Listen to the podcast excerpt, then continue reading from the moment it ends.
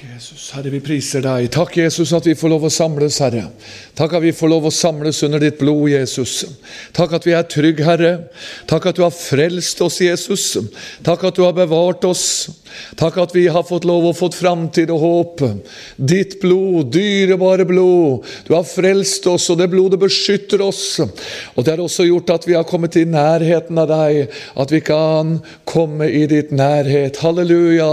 Du døde for all verdens synd. Takk for at du har velsigna oss denne helgen, Herre. Takk at du har velsignet oss allerede på møtet i kveld, og du skal fortsatt gjøre det, Jesus. Takk at du også tar hånd om meg en liten tid. Du ser min fattigdom og tilkortkommenhet og nervøsitet, Herre, men jeg hviler i ditt ord, og jeg hviler under ditt blod i din kraft. Takk skal du ha, Jesus, og gir deg all ære. Halleluja. Takk og lov. Ja, under hans blod, hans dyre blod. Tenk at vi får lov til det. Være under Jesu blod, der er vi trygge. Han beskytter oss under sitt dyre blod. Halleluja. Tenkte på det når jeg satt der. Tenk at vi er frelst. Vi tar det sånn som ubevisst. liksom Vi går på møter, og vi er vi er på møter og vi er i miljøet og vi er frelst, men tenk, venner, vi er frelst. Vi er født på ny. Vi er på vei til himmelen. Halleluja. Vi har fått eh, lov å møte Jesus, han som har frelst oss, og som har bevart oss. Vi har noe å glede oss over, vi har noe å juble for. Halleluja. Tenk at vi er frelst.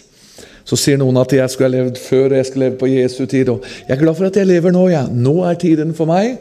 Nå er tiden for å, å bringe evangeliet ut og være et lys for Jesus. Halleluja. Tusen takk for at jeg fikk lov å komme hit igjen og få lov å være sammen med dere. Og at jeg, en enkel landsens gutt, får lov å, som David, komme med de små gule osteskivene jeg har, innimellom alle disse middagsrettene som de store predikanter leverer dere. Så får jeg lov å levere også det Herren har gitt meg. Halleluja. Nåde over nåde. Tusen takk, Harry og Magne og Arvid og menigheten. Halleluja. Og Hotell Larsen. Tusen takk for at jeg har fått lov å bo hos dere, mor og far. Det er herlig. Også at det har vært overbærende med min originalitet, både åndelig og menneskelig. Ja. Takk for all nydelig mat. Det har gått litt utover min bikinikropp, men jeg får heller trimme litt ekstra i treningsstudioet når jeg kommer på, på dekkloven. Tusen takk skal dere ha for all herlighet og omsorg og glede. Vi har hatt som tema de to første kveldene, dem som har vært her. Eh, og noen som ikke har vært her, så har vi hatt om Jesu blod. Eh, forskjellige sider av det. Første kvelden så hadde vi gikk litt gjennom den, Det gamle testamentet inn i tabernaklet. Om eh, oversprengning med Jesu blod. Eh, og forskjellige sider av det. At vi er frelst, og vi så på mange bilder av det. At hele Det gamle testamentet det er bygd opp under Golgata, forsoningen og blodet. Og så på forskjellige sider av det. I går så, så vi på Kristus som paktens ark, og hva han betyr for oss, som også et bilde på forsoningen og Golgata. Og som jeg allerede har nevnt, vi kunne ha delt det helt til Jesus kom, og vi kunne ha fortsatt i kveld, men jeg kjenner at Jesus har gitt meg et profetisk budskap i kveld, og da må jeg være lydig og levere det. Jeg lovte Jesus ganske tidlig i min evangelisttjeneste, da jeg kjente at han også la profetordet på mitt hjerte, at eh, jeg skulle være lydig når han minner meg om det. Så da må jeg være det. Eh, da skal vi slå opp i eh, Vi skal lese en tre-fire steder i begynnelsen her, før vi går inn og deler litt om profetordet. Det er jo også veldig mange ting. Vi får se hvor langt vi kommer. Det blir jo ikke detaljer og inngående dybde. Jeg var i Bergen nå, hos Morgan, som er iblant oss igjen. Godt å se deg, Morgan, og godt å være sammen. Gud velsigne deg. Da hadde vi mer at vi gikk inn på de forskjellige sider. For skal vi gå inn i detaljer og forskjellige ting, så må vi nesten ha en bibelhelg, minst. Men jeg skal bare peke på en del ting som har med profetordet å gjøre på i vår tid her, og så får vi se hvor mye vi rekker. Vi begynner i Salamos høysang, også kapittel 3. Og jeg skal også i Det gamle testamentet lese i Jeremias kapittel 1, før jeg går over i Lukas 21 og apostlenes gjerninger 15 som en innledning i kveld.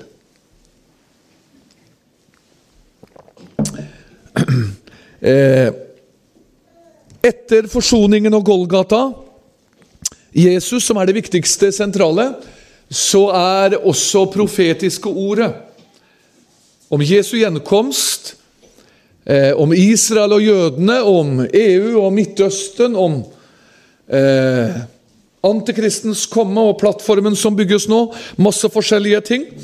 Alt dette her om profetisk ordet det er også en av grunnpilarene i Bibelen, og også i Det gamle testamentet. Eh, og Da leser vi først i Høysangen 3, og så tar jeg ut ett vers, vers 4. Salmos høysang, kapittel 3, vers 4.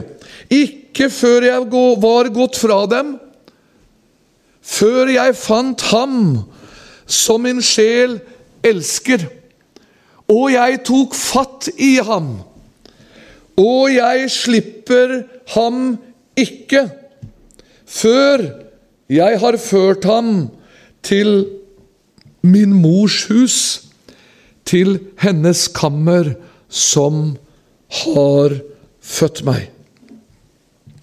Jeremias, Profeten Jeremias kapittel 1, og der leser jeg vers 11 og 12. Profeten Jeremias kapittel 1 og vers 11 og 12. Og Herrens ord kom til meg, og det lød så Hva ser du, Jeremias? Jeg svarte, 'Jeg ser en stav av det våkne tre'. Da sa Herren til meg, 'Du har sett rett, for jeg vil våke over mitt ord, så jeg fullbyrder det'. Lukas evangelium, kapittel 21, og vers 28, og noen vers nedover der. Lukas 21, og fra vers, eller Vi kan ta med vers 27 også. Lukas 21, 27. Da skal de se menneskesønnen komme i skyen med kraft om egen herlighet. Men når dette begynner å skje, da rett eder opp, løft eders hoder, for eders forløsning stunder til. Og han sa en lignelse til dem. Se på fikentreet og alle trær. Så snart de springer ut og dere ser det, da vet dere av dere selv at nå er sommeren nær. Således skal også dere, når dere ser dette skje, vite at Guds rike er nær. Sannelig sier jeg dere, denne slekt skal ingenlunde forgå før det skjer alt sammen. Himmel og jord skal forgå, men mine ord skal ingenlunde forgå. Men vokt dere, at ikke deres hjerte noen tid tynges av rus og svir, timelige bekymringer, så denne dag kommer uventet over dere som en snare. For den skal komme over alle den som bor over den hellige jord. Men våk hver tid og stund, og be så dere kan være i stand til å unnfly alt dette som skal komme og til å bli stående for menneskesønnen. Og så leser jeg tre vers i Apostlenes gjerninger 15. Apostlenes gjerninger 15, og da leser jeg 16, 17 og 18. Apostlenes gjerninger 15, 16, kapittel 15, vers 16, 17 og 18. Deretter vil jeg vende tilbake og igjen oppbygge Davids falne hytte. Og det nedbrutte av den vil jeg atter oppbygge, og jeg vil igjen oppreise den, for at alle andre mennesker skal søke Herren. Ja, alle hedningene, folkene, som mitt navn er blitt nevnt over, sier Herren, som gjør dette, som er kjent av ham fra evighet av.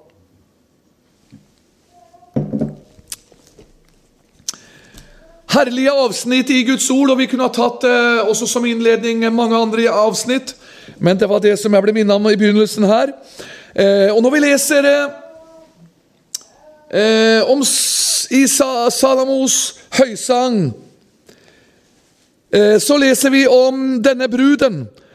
Eh, som sier eh, om brudgommen, vers 4.: Ikke før jeg var jeg gått fra dem, før jeg fant ham som min sjel elsker. Jeg tok fatt i ham, og jeg slipper ham ikke. Før jeg har ført ham til min mors hus. Altså Vi ser i dette verset, som er et bilde på menigheten og Kristus. Og Salamos høysang er jo full av Kristus, også full av det profetiske ord. Og venner, Det er livsviktig når det gjelder profetordet, at jeg og du er i forventning til at Jesus kommer. For forventningen til at Jesus kommer, at den bor i oss, den er med på å holde oss våkne. Og Når du leser dette verset, så er det akkurat som du ser, om det ikke det står direkte, så er det liksom du, du, du kjenner det oser av forventning hos denne bruden.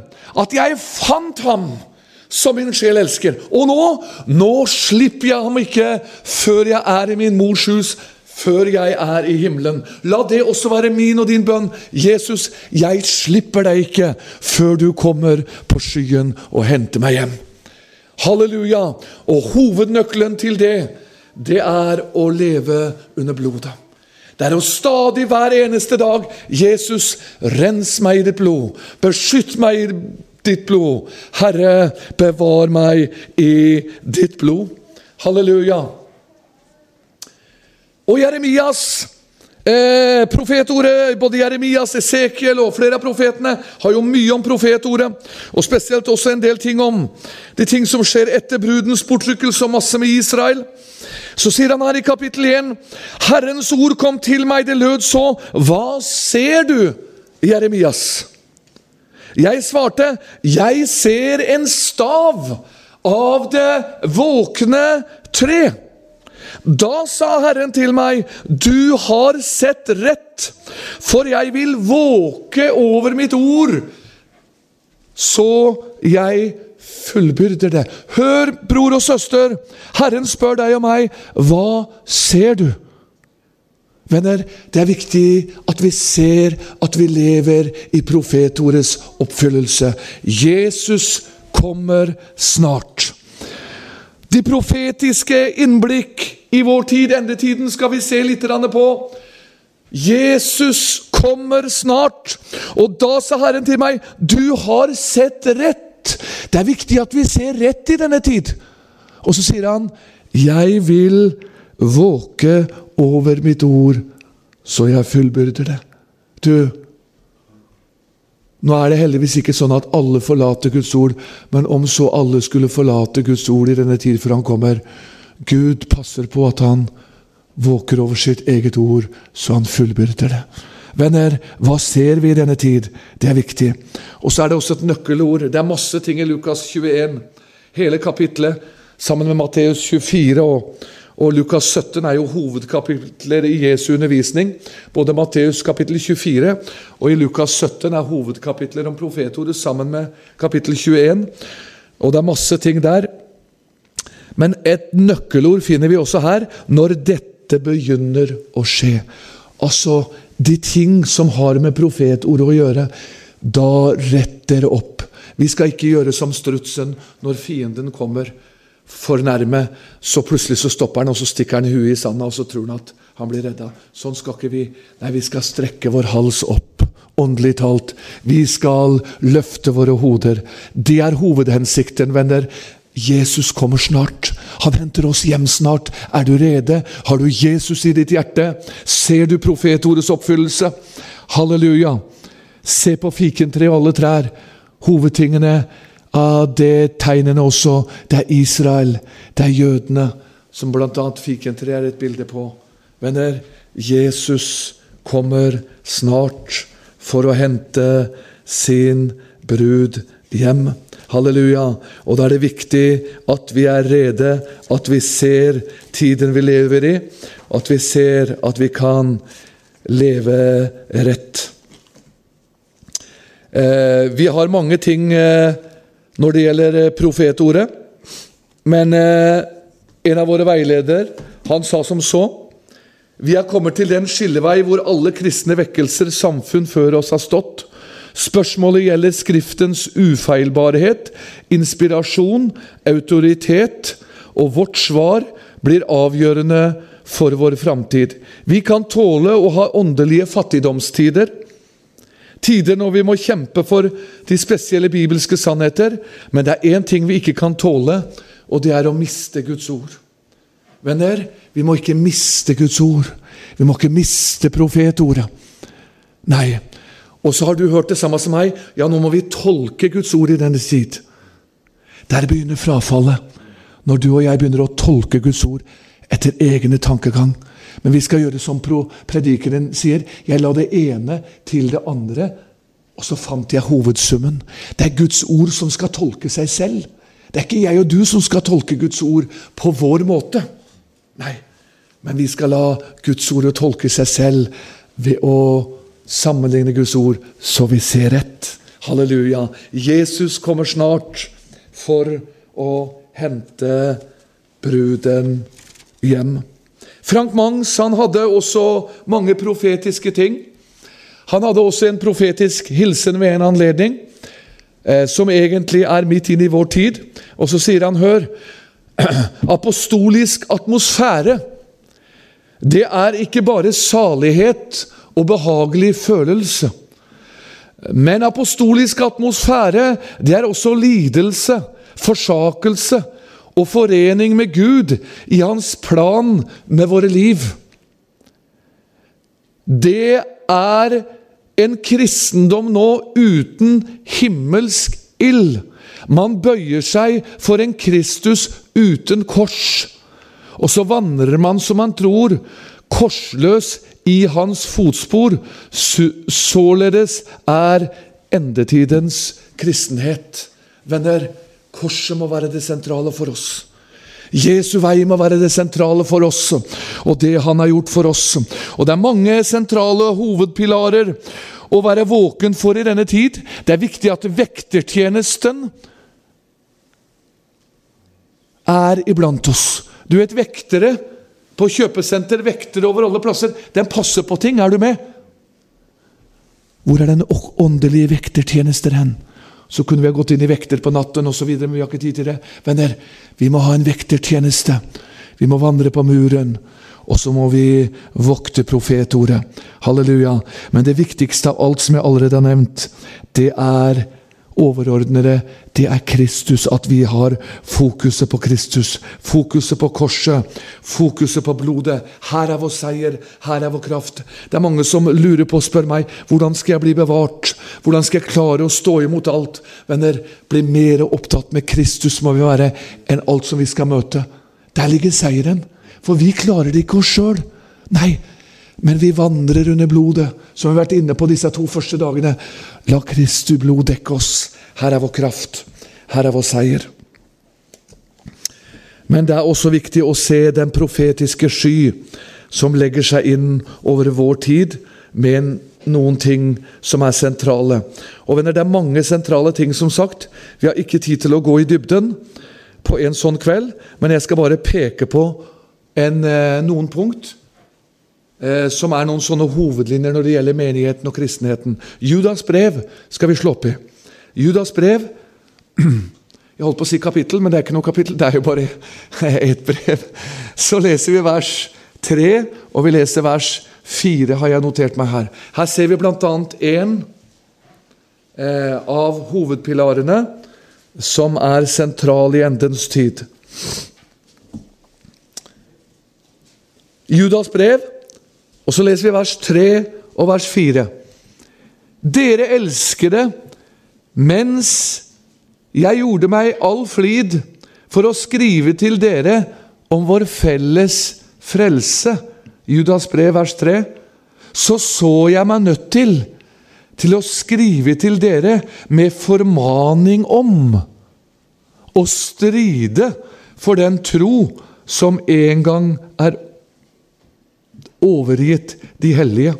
For mennesker har sneket seg inn, som denne dom allerede for lenge siden er skrevet for, ugudelige, som forvender vår Guds nåde til skamløshet og nekter vår eneste hersker og Herre, Jesus Kristus.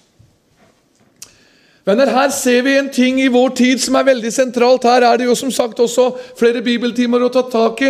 Men han sier jeg var egentlig opptatt med nå å gi dere et brev om, ikke sant, om frelsen og Kristus og forskjellige ting. Men så er det akkurat som Guds ånd blir innprentet i ham, og han får en atmosfære over seg, og Gud minner han om Men jeg så meg nødt til å gi dere en formaning.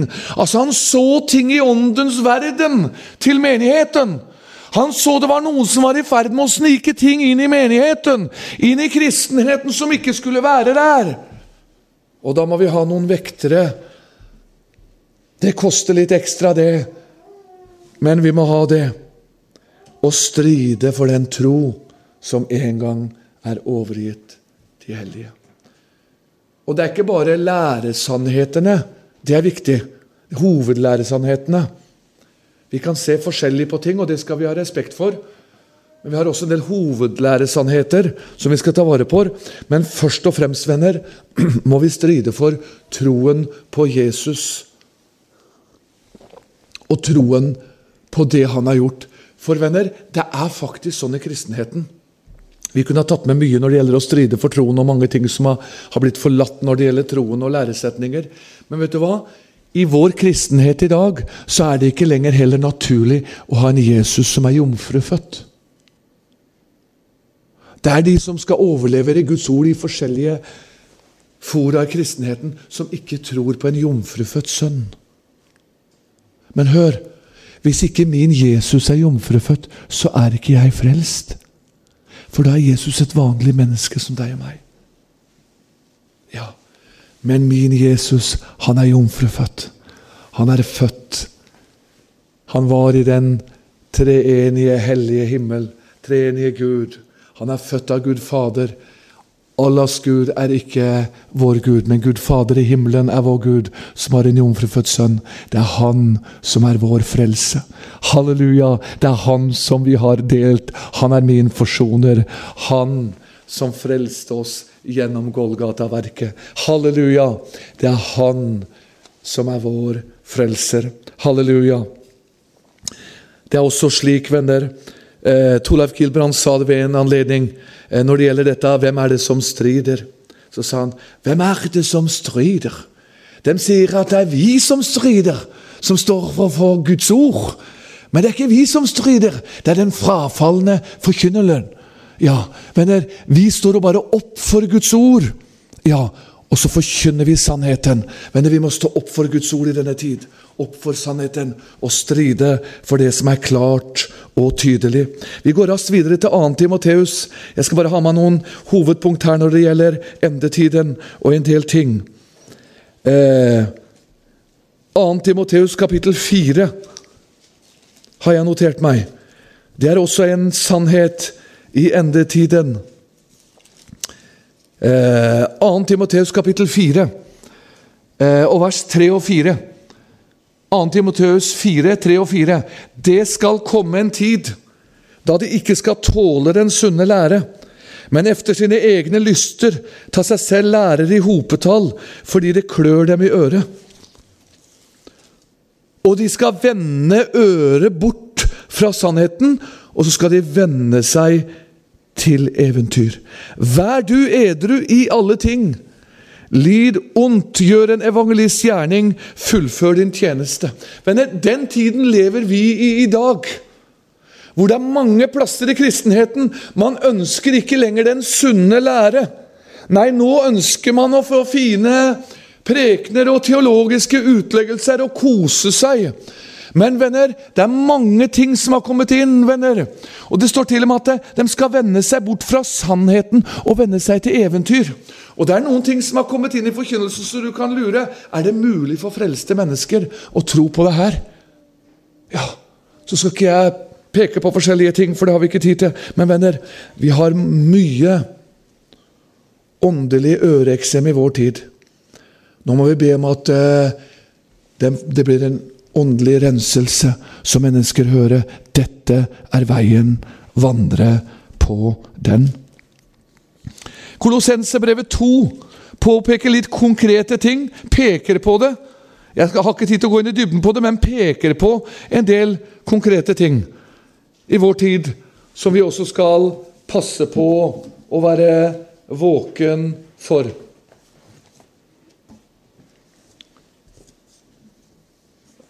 Hør! Kolossensebrevet 2 og vers 18 og 19. Dette er midt inn i vår tid. Kolossensebrevet 2, 18 og 19.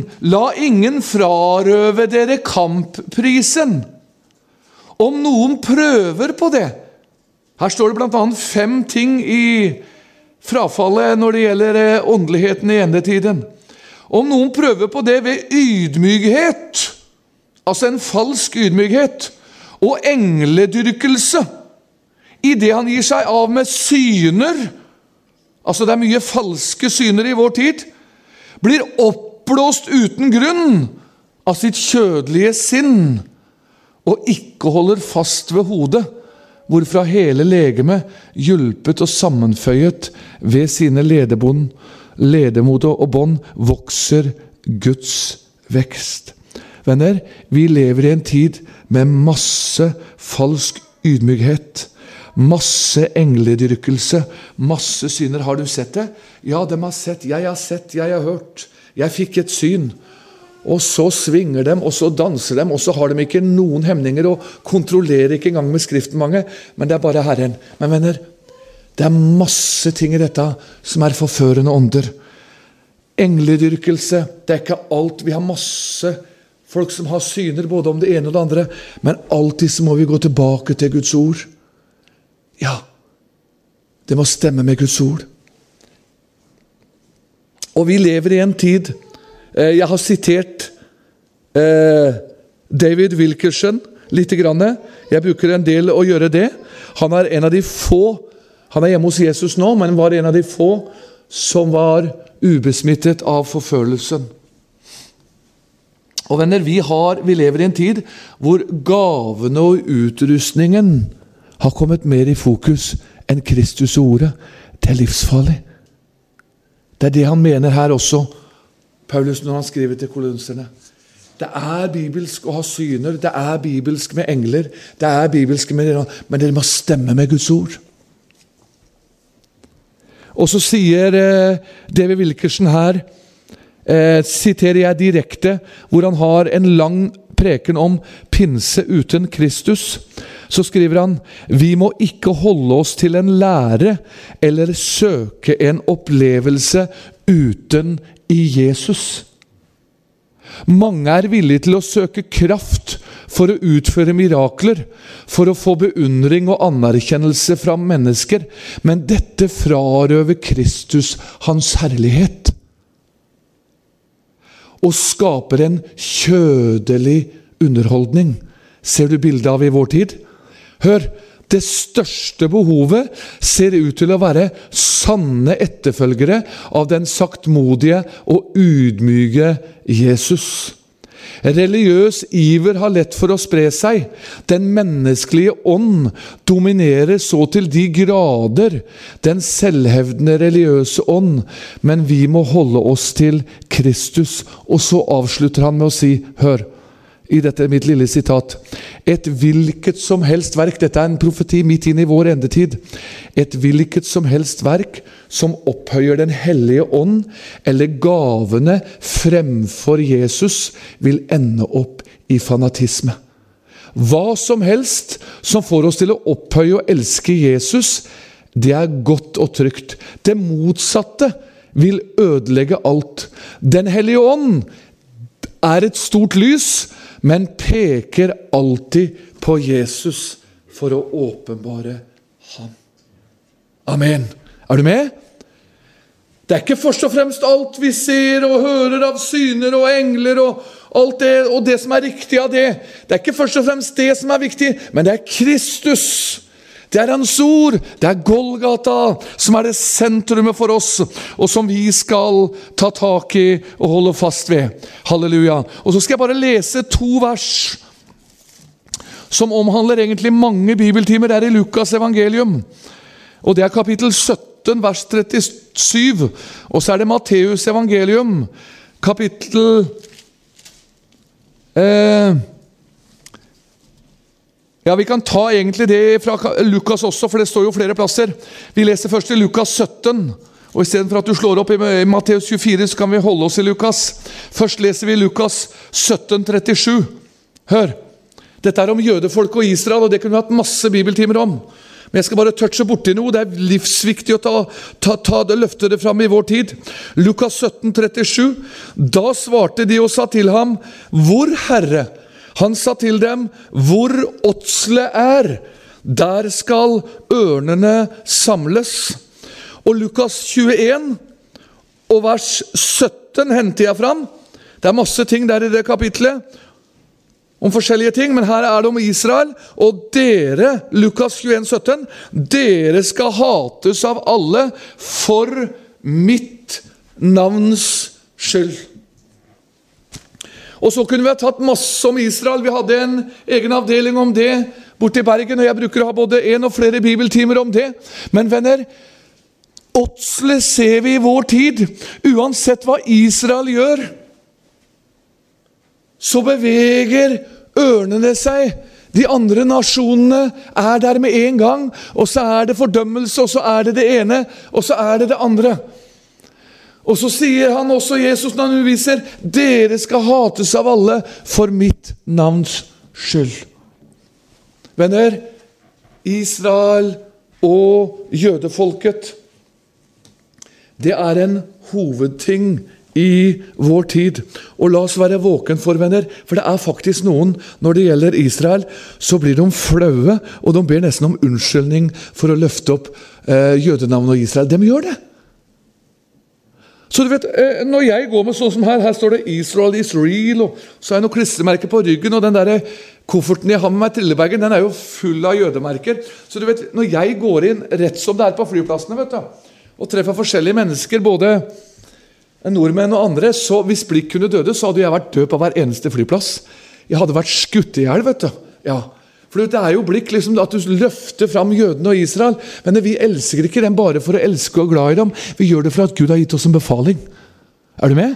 Og så kunne vi ha lest masse skriftsteder, det har vi ikke tid til. Men venner, vi er pålagt av Herren. For der ligger vår velsignelse. Ta blant annet, Vi har ikke tid til å lese det, men, først, men, men andre Mosebok 12, 1-3. Den som velsigner mitt folk, han skal bli velsignet. Den som forbanner mitt folk, han skal bli forbannet. Og så står det om vår velsignelse over jødene, og frelsen kommer fra jødene, sier Jesus i Johannes 4. Ja, det er ikke så nøye, sier noen. Det er ikke så interessert i jødene og Israel, jeg. Vi er frelst på grunn av jødene! Ja, og så er det til og med forkynnere blant oss, venner. Jeg skal ikke nevne navn her, jeg gjør det i private samtaler. Akkurat som Paulus nevnte navn når han skulle advare mennesker fra alvorlige læresetninger. Men du skal være litt forsiktig med det akkurat over talerstolen. Men Jeg gjør det henne, jeg gjør det privat. Men det er kjente forkynnere som har en vrang lærer når det gjelder jødene og Israel. De sier at Jerusalem skal deles, Israels land skal deles, og det tilhører palestinerne og Palestina. Det fins ikke noen palestinere. Det er arabere. Det fins ikke noe palestinsk land som tilhører palestinerne. Nei, det som en gang ble kalt Palestina, det er jødeland som tilhører jødefolket. Det sier Guds ord. Og Jesus elsker alle, og Gud elsker alle, men jødene har et fortrinn. Og så er det også forkynnere som sier, kjente forkynnere, eh, som sier at det, ja, det er et åndelig Israel nå. Nei da, det er bokstavelig Israel, som både har landløfter og byløfter osv. om Jerusalem, venner. Profetordet som vi tror på. Halleluja! Og det leste vi jo også om i Apostlenes gjerninger 15. Derefter vil jeg vende tilbake og igjen oppbygge Davids falne hytte. Og det nedbrutte av det vil jeg atter oppbygge, og jeg vil igjen oppreise dem. Dette er en av profetiene om jødene og Israel. Halleluja. Så venner, vi må ikke be om unnskyldning for at vi tror på Skriften. Ber du om unnskyldning for at du tror og velsigner og tror på at jødene er Guds folk, så ber du egentlig om unnskyldning for at du tror på Guds ord. Men, vi tror på profeter om jødene og Israel. Derfor elsker vi også dette folk. Halleluja. Så kunne vi ha tatt mye om det, men vi har ikke tid til det. Så skal vi gå til Matteus 7. Matteus evangelium kapittel 7. Nå har jeg drevet på ca. en halvtime. Jeg skal holde meg til tre kvarter, som jeg bruker i undervisning. En skoletime, det klarer vi. Når barna og ungdommen klarer det, så må vi godt voksne klare det. ikke sant? Ja. Matteus 7. Og så skal vi lese Det var egentlig mange vers der, men jeg skal bare ta ut for tidens skyld. Matteus 7. Og så leser vi der eh, vers 21. Vers 21 til 23 kan vi lese. Hør. Ikke enhver som sier til meg, Herre, Herre, skal komme inn i himlenes rike. Men den som gjør min himmelske Faders vilje Mange skal si til meg på den dag Herre, Herre, har vi ikke talt profetisk ved ditt navn, utrevet onde ånder ved ditt navn og gjort mange kraftige gjerninger ved ditt navn? Da skal jeg vitne for dem. Jeg har aldri kjent dere. Vik bort fra meg, dere som gjorde urett. Venner, dette er Jesus underviser om den falske helbredeltegn- og underbevegelsen som også vil foregå i endens tid. De gjorde mirakler, de gjorde under, de hadde drevet ut onde ånder, og så skal de komme fram på dommens dag og si både det ene og det andre. Da skal Jesus si 'Jeg har aldri kjent dere'. Vik bort fra meg. De gjorde urett. Urett mot hva? Guds ord. Og venner, la ikke tegn og under være fremst og det vi går etter. Men la det være korset vi går etter, og så følger tegnet under etter. Er du med? Konrad Kornmo han underviste en god del om disse ting. Og så sier han, hør i et sitat jeg har Jeg vil rekke ut en advarende finger mot den form for lystig forkynnelse i vår tid som går ut på om å gjøre å reise hit og dit og være med om tegn og under. Pass dere! La dere ikke dåre av talene om tegn og under. Vi tror på en Gud som kan gjøre under. Men hør hva han sier nå om endens tid. Vi er nå på vei inn i en tid hvor også de sataniske krefter fra avgrunnen skal gjøre under og tegn. Og det er virkelig under. Snart kommer det menn inn i tiden som kommer til å gjøre under av en slik kvalitet at du vil bli rystet i sjel og sinn. Så nå, hør nå, må du lære deg til å kjenne din Jesus, Bibelens Jesus. La ikke undrene være det som binder deg til ham, men forsoningens nåde, korsets evangelie, det må være det sentrale. Venner, vi må passe oss for det. Og så er det andre ting også ved dette som vi ikke har tid til å komme inn på. Men vi lever i en tid i dag hvor kjente forkynnere og medier og, og, en del sier at du kan bare så inn penger, og du kan så inn det, og så sår du inn til frelse, og du sår inn til helbredelse for, for både den ene og den andre. Jesus har aldri lagt penger inn i frelse og helbredelse. Pengene er viktige i Guds rike. De er det. Men det har ingenting med vår frelse og helbredelse å gjøre. Venner, vi, ikke, vi har kommet dit hen at mange sier at ja, det er så fin sang. å, det er så fint. De snakker om Jesus, de snakker om Gud. Det er mange som snakker om Jesus og Gud som er besmittet av en ånd som ikke er etter Guds ånd, etter Guds ord. Venner, vi må våke i denne tid. Vi må ha vektertjenesten i denne tid. Jesus kommer snart. Vi må være våken så vi ser. Halleluja. Eh, Lukas evangelium, Nå skal jeg hoppe over litt for, jeg, for tidens skyld, men jeg skal ta med én viktig ting til slutt. Og Det er et sentralt punkt i endetiden. Lukas evangelium, kapittel 14. Det er en av Jesu Jeg skal avslutte nå for det ikke blir for lang. Eh, for tiden eh, Vi kan ikke gå inn i dybden her, men Lukas evangelium, kapittel 14.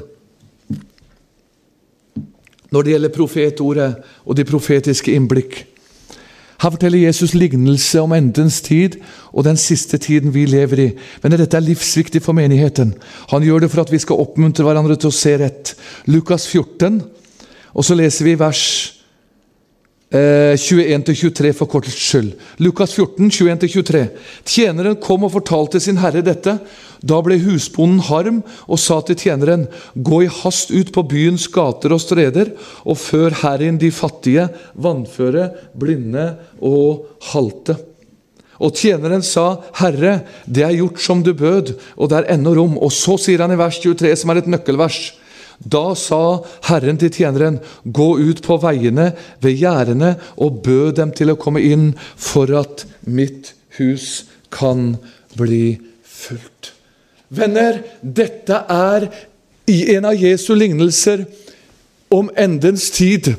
Og venner, det gikk en mann fra Jerusalem til Jeriko og han falt iblant røvere. Et åndelig bilde, venner. I Lukas 10, som vi ikke har tid til å lese. Det er mange i vår tid, venner, som åndelig talt har gått ifra det åndelige Jerusalem, i menigheten, i gudstjenesten. Så skulle de bare gå ut på veiene litt grann, for å se, for å undersøke, som Jakobs datter Dina gjorde. Hun skulle bare se, står det, på folket. Hun ville ikke bli frafallen. Hun ønsket ikke det. Vi sier lett ja, han ble frafallen, og han, han gjorde det, og han gjorde det. Venner, det er ingen som ønsker egentlig det, men kreftene ble for sterke. Og så ble hun ført inn i et frafall, for det var noen som tok henne. Og denne mannen som falt iblant røvere også. Men det ligger så mange halvdøde, det ligger så mange sårede, det ligger så mange skadede der ute. Er vi der? Har vi noen i menigheten som er der ute på gater og streder og kan gi dem en hilsen? Kan få lov å være iblant dem. Bare gi en liten hilsen. Det bør ikke være så mye. Det kan bare gi en liten hilsen. Eh, når jeg hadde vært på Moa her en dag, så satte jeg meg inn på bussen, og så kom den Jeg går jo mye på gater og streder og blant de utslåtte. Det er en del av min viktige tjeneste i denne endens tid. Og mange av mine venner er der, både frelste og ufrelste. har vi alle, men mange av mine ufrelste venner er der ute, som jeg kjenner at jeg skal være iblant. Eh, når jeg kom fra bussen, så, eller fra Moa, så satte jeg meg inn på bussen, og så kom det en av eh, Som jeg så var en av de som hadde kanskje levd livet og var litt utpå. Og så var det masse ledige seter, så satt den seg akkurat rett foran meg. Ja. Og da var jeg sånn at jeg egentlig ikke var i ønska å prate, jeg ønska bare å gjemme meg sjøl og ikke si noe særlig. Nå er det ikke det at jeg er veldig beskjeden, for det er jeg jo ikke. Men det hender at vi er i en sinnstilstand, så vi ønsker å gjemme oss. Men så kjente jeg at han satte seg der, og Jesus satte den der for at jeg skulle gi ham en hilsen. Og Så bare begynte jeg som Jesus gjorde i Johannes 4. For Jesus sa til kvinnen 'gi meg litt vann'. Han begynte med det daglige. Det er ikke det at Vi skal, vi bør ikke først og fremst gå ut vet du, og så filleriste dem og si at 'nå går du til helvete'. og så liksom bare, Vi kan begynne med det vanlige. Så sa jeg til henne 'ja, det regner i dag'. Sånn er det vel på Vestlandet her. Og så begynte han å prate litt, og så sa jeg at jeg er ikke vant til det, for jeg kommer sørante. Og nå har jeg noen møter på, oppe på Eli Meikenesvåg. Å, å, ja, ja, har du det, sa han. Ja, ja, vet du hvor det er, sa jeg. Ja, ja, ja, ja, ja det gjør jeg, sa han. Ja, ja. Og så skjønte jeg at han var, hadde vært borti dette. Han var en av de som hadde gått fra Jerusalem. Og så sa han, ja, ja, hva skal du tale om da, han. Hva preker du om, han. Nei, jeg preker nå driver jeg om Jesus, sa jeg. Det er jo hovedevangeliet. Ja, Og så var det akkurat busstoppet mitt, så jeg måtte gå av. Så jeg tenkte jeg måtte avrunde ganske fort. Så sa jeg eh, du er hjertelig velkommen. Og Så fikk jeg prate litt med ham, og så fikk jeg gitt en visittkort og en liten forsikringshilsen om Jesus. Så sa Jesus 'velsigne deg', sier jeg. Ja, takk, takk skal du ha, sa han. Ja, Venner, det bør ikke være så mye. Men det er mange som går der ute, og så venter de på at du og jeg De venter ikke på fine prekener. De venter ikke på lange teologiske utleggelser. Men de venter på et Jesus-hjerte som kan gi dem Jesus. Vi tror det. Vi vet at vi må, vi må liksom Jeg snakker med mange unge og godt voksne. og ja, nei, men du skjønner, Jeg vet ikke hva jeg skal si, og så må jeg vel preke, og så kjenner jeg ikke profetordet dypt nok. og så kjenner jeg jeg holdt på å si blås i alt det. Vær deg sjøl, og så bringer du fram Jesus-hjertet ditt. Halleluja. Det hender noen ufrelste kommer til meg og snakker med meg, så, så får jeg si til dem at f.eks. de kan si at ja, du er vel kristen du, og, og tilhører en religion. Nei, sier jeg tilhører ikke en religion, jeg tilhører Jesus. Han er det liv i. Og han har gitt meg frelse. Å, oh, ja, ja, ja vel, ja vel. Venner, vi må bringe fram Jesus. Vi må få Jesus-fokuset fram, som vi har hatt de to første dagene. Golgata-blodet. Vi skal ikke gi dem en, eh, en, en, eh, en religion. Vi skal ikke gi dem først og fremst teologi. Vi skal gi dem Jesus. Er du med? Jesus kommer snart. Vi må gå på denne veien fra Jerusalem nedover mot Jeriko. Bringe det vi har, der vi er. Halleluja! Her ligger mye av vekkelsen. Har vi sykestua klar? Har vi fødestuene klar, venner? Det har dere her. Venner, nå trenger vi å gå ut, både med det ene og det andre. Ut på gater og streder også. Ut med kaffe og vafler, og ut og gjenbringe hilsen til både den ene og den andre. Halleluja. Jesus kommer snart. Venner, når dette begynner å skje, da retter dere opp. Løft deres hoder for deres forløsning stunder til. Mange ting til vi kunne ha tatt med, men vi har ikke tid til det. Venner, det er livsviktig i denne tid. Hvor er mitt blikk festet? Hvor er blikket ditt festet hen? Er det festa hos Jesus? Vi skal være våken for profetordet. Det er viktig at vi ser det, men hør, vi skal ikke befeste oss på alt det som er rundt oss. Vi har vært inne på de to første dagene. Vi skal befeste våre øyne på Kristus. På korset. Det er det som er kraften midt i endetidens profetord. Vi må bli Kristusorienterte og være Kristusorienterte. Og Jesus sier bl.a. også i Johannes 4, vi har ikke tid til å lese det, men løft deres øyne, fordi at eh, nå er det moden til høsten. Korn er modent. Venner, er vi, er vi våkne? Det er masse korn. Det er overmodent, men vi må være ute der hvor kornet er. Vi må være til stede. Høsten er her. Ransaker oss selv. Vi fyller vårt horn med olje. Salig er de som tvetter sine kjortler, så de må få rett til livsens tre og gjennom portene komme inn i staden. Men det er kun blodet som frelser oss. Det er kun blodet som forløser oss. Det er mange som har åndelige medaljer, og de har åndelige masse fine drakter, og de har tjent Herren så og så lenge og står her, og dem står der, og det ene er bedre enn det andre. Som jeg bruker å si, vi skal ha respekt for hverandre. Vi skal ha respekt for Guds ord. Men venner, det er én ting som er viktig når Jesus kommer. Det er ikke hva jeg har gjort, og hvor jeg står, men det er at jeg lever under blodet. Er du med? Han kommer ikke for å hente bevegelser. Han kommer ikke for å hente en kristenhet, han kommer for å hente frelste individer. Har du Golgata og blod i ditt liv? Er du frelst og født på ny? Det er billetten. Ja, men det holder ikke for meg. Jeg er usikker. Da går jeg tilbake og skal avslutte med det vi begynte med denne helga. For utgangen av Egypt i, i 2. Mosebok 12, det er også et bilde på utgangen av denne verden. Da er det blodet som gjelder når jeg ser blodet. Kanskje det satt noen på ene siden og var usikker på om den blei med ut når dødsengelen kom. Og så satt naboen. Han var selvsikker, han visste at den ble med. Hva var det som var det avgjørende for de to forskjellige tilfellene på hvem som ble med? Var det at den ene trodde og andre tvilte? Nei, det var blodet. Det var blodet. Halleluja.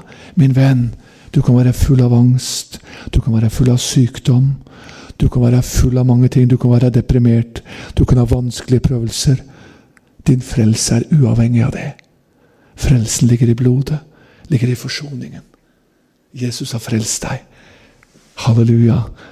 Og så tror vi på mirakler, og så tror vi på under. Halleluja. Men Jesus kan gjøre under i kveld, i ettermøtet kanskje. Og venner, vi tror på mirakler. Jeg må ta med det, for jeg blir minnet om det når det gjelder tegn og under. Vi skal forkynne det. En kollega av meg, kjære kollega, vi var sammen på en bibelhelg for lenge siden. Og så var han oppgitt av kreft.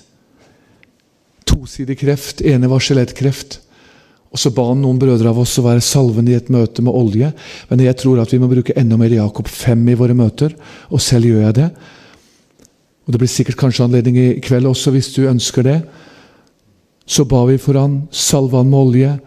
For en lang historie kort, han skulle til legen like etterpå. For at han skulle inn og ta forskjellige cellegiftkurer. Legen hadde tatt sine prøver, og så sier han vi skjønner ingenting, vi ser ingenting. Du hadde en hurtigvoksende kreft som var rask. To stykker. Men det er helt borte. Det fins ikke noe mer. Du er frisk. Det var mannen fra Nasaret. Ikke ved mennesker, men ved sin kraft. Ved sitt ord. Halleluja. Men det er denne Jesus som kommer snart. Halleluja. Vi er på vei hjem til himmelens herlighet. Vi er på vei hjem til et evig party. Vi skal feire sammen med Jesus, og så har vi ikke tid til å gå inn i himmelen og undervise om det. Er du klar? Er du rede? Lengter du hjem? Har du en lengsel som høysangen? Jeg lengter til min brudgom. Halleluja! Lengter du hjem? Han kommer snart. Og blodet skal løfte oss opp i lufthimmelen og hjem til den evige himmel. Amen. Herre, vi priser deg. Takker deg at vi får lov å samles, Jesus. Takker deg at du er vår frelser. Vi priser deg, Jesus, for at vi har fått lov å oppleve at du er oss nær, Herre. Takk at vi får lov å oppleve at du kommer snart. Og så bevarer du oss, Herre, i denne tid, endetiden.